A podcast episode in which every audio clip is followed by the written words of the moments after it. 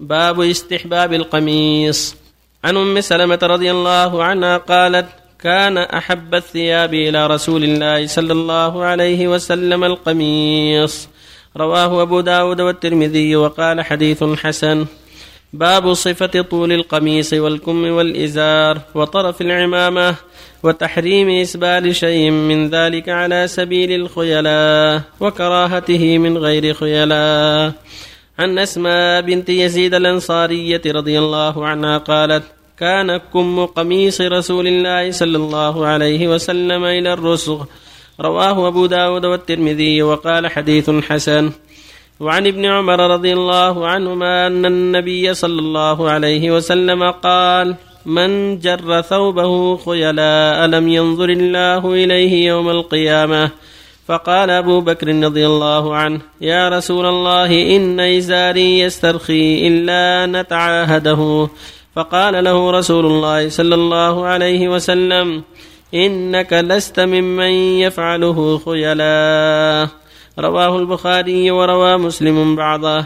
وعن أبي هريرة رضي الله عنه أن رسول الله صلى الله عليه وسلم قال لا ينظر الله يوم القيامة إلى من جر إزاره بطرا. متفق عليه.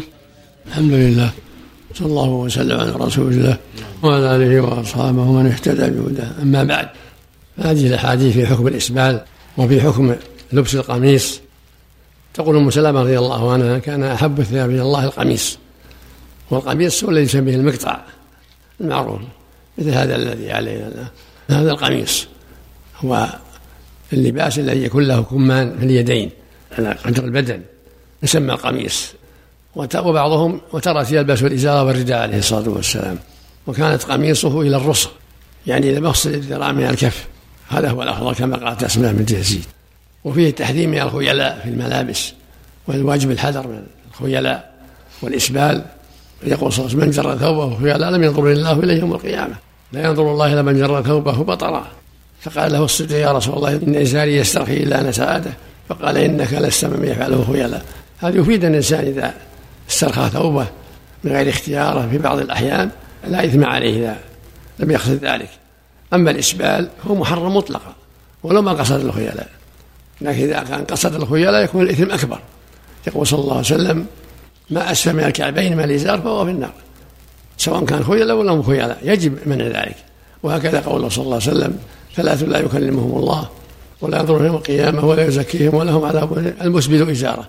والمنان فيما أعطى والمنفق سلعته بالحلف كذب فذكر المسبل من هؤلاء ولم يقيده بالخيلاء فدل ذلك على أن الإسبال محرم وهو وسيلة للخيلاء في الغالب أنه وسيلة للخيلاء كما أنه وسيلة للتنجيس والأوساخ فالواجب الحذر من ذلك. وفق الله الجميع. أحسن الله إليك تكون الإسبال من الكبائر أو المعصية؟ يخشى أن من الكبائر لهذا الوعيد لم ينظر الله يوم القيامة. التكبر من الكبائر نسأل الله العافية. الله الله إليك ويبقى الإمام النووي للباب وكراهته غير خيلاء. الله فيه نظر.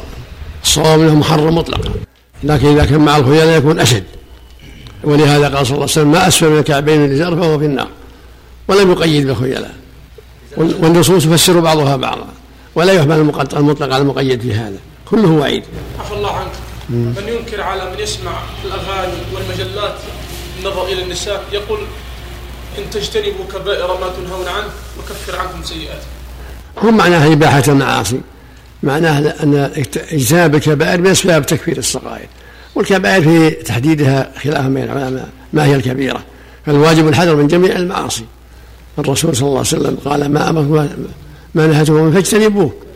والرسول يقول ما نهيتم فاجتنبوه وما أمرتم فأتوا من ساعتم والله يقول وما آتاكم الرسول خذوه وما نهاكم عنه فانتهوا. فالواجب الانتهاء عما نهى الله عنه ورسوله. صغائر ولا كبائر جميع الذنوب جميع المعاصي. يجب الحذر منها. واذا رددنا عليه وقلنا لا, صغيرة مع الإصرار تكون في حكم كما قال ابن عباس وأيضا ما نهى الله عنه يجب ان يجتنب الله أمر بأن نجتنب ما نهانا عنه. وما اتاه الرسول هو نهاكم فاجتنبوا جعل القميص يا شيخ تحت الركبة بأربعة أصابع كما ورد في الحديث. لا النصف هو هو الثاني النصف. نصف الساق لكن الفعل يا شيخ للكراهة لو فعل. في نصف الساق لا بأس الأمر واسع إلى الركبة كله واسع الله إليك يا شيخ صفة القميص من الملابس هذه الثياب اللي نلبسها الآن. نعم. أحسن عليك هذا قميص. هذا سؤال. نعم. يقول السائل هناك بعض محطات البنزين يضعون لمن يشتري منهم 120 ريال بنزين غسيل سيارة مجانا. فما حكم هذا الغسيل؟ تركه أحسن لأن هذا يرغبون في السوق حتى يعطل الآخرون حتى يتعطل الآخرون. ترك هذا أحسن و- وإن فعله ما ينكر عليه شيء. والله تركها والذي احوط عندي انها لأن قد يبذل الأموال لعله يحصل هذا نعم؟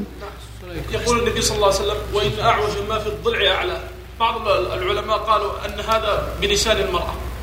فهل هذا وجيه؟ معناه كلام في المرأة خرج من ظل اعوج نعم. الكلام في عليك خلقت من ظل يعني لا بد فيها عيب. لا زال فيها عيب ولا بل فل- فل- فالذي ينبغي المؤمن أن يتغاضى عن بعض الشيء. فإذا ذهبت تقيمها كسرتها إذا أعلاه ليس وجيه باللسان لسان نعم. المرأة نعم. الله أعلم الله أعلم. تعرض سؤالين الله يطول عمرك. السؤال الأول آه، فيه تعرض اختلاف بيننا وبين واحد هل الجنه الله يحييك المسلمين يدخلون الجنة؟ نعم. هذا هذا الصواب. مسلمهم من الجنة وكافرهم من النار مثل الإنس. والسؤال الثاني الله يحييك آه، أصدرت الدولة حفظها الله اوامر بعدم الحج السعودية الا بتصاريح. وفي عمرك واحد متوفي والده يوصيه انه يحج خمس حجج له آه، لوالدته له. وهو طال عمرك يبي يسلسلها وطلع القرار هذا. هل لو حج يعني بطريقته الخاصة بدون ما يأخذ لا يتبع القراءة هذا صادم من هيئة كبار العلماء. سم؟ هذا صادم من هيئة كبار العلماء. الدولة الدولة حالته إلى هيئة كبار العلماء لأجل تخفيف على الحجاج. لو حج في حجه شيء يحييك نعم.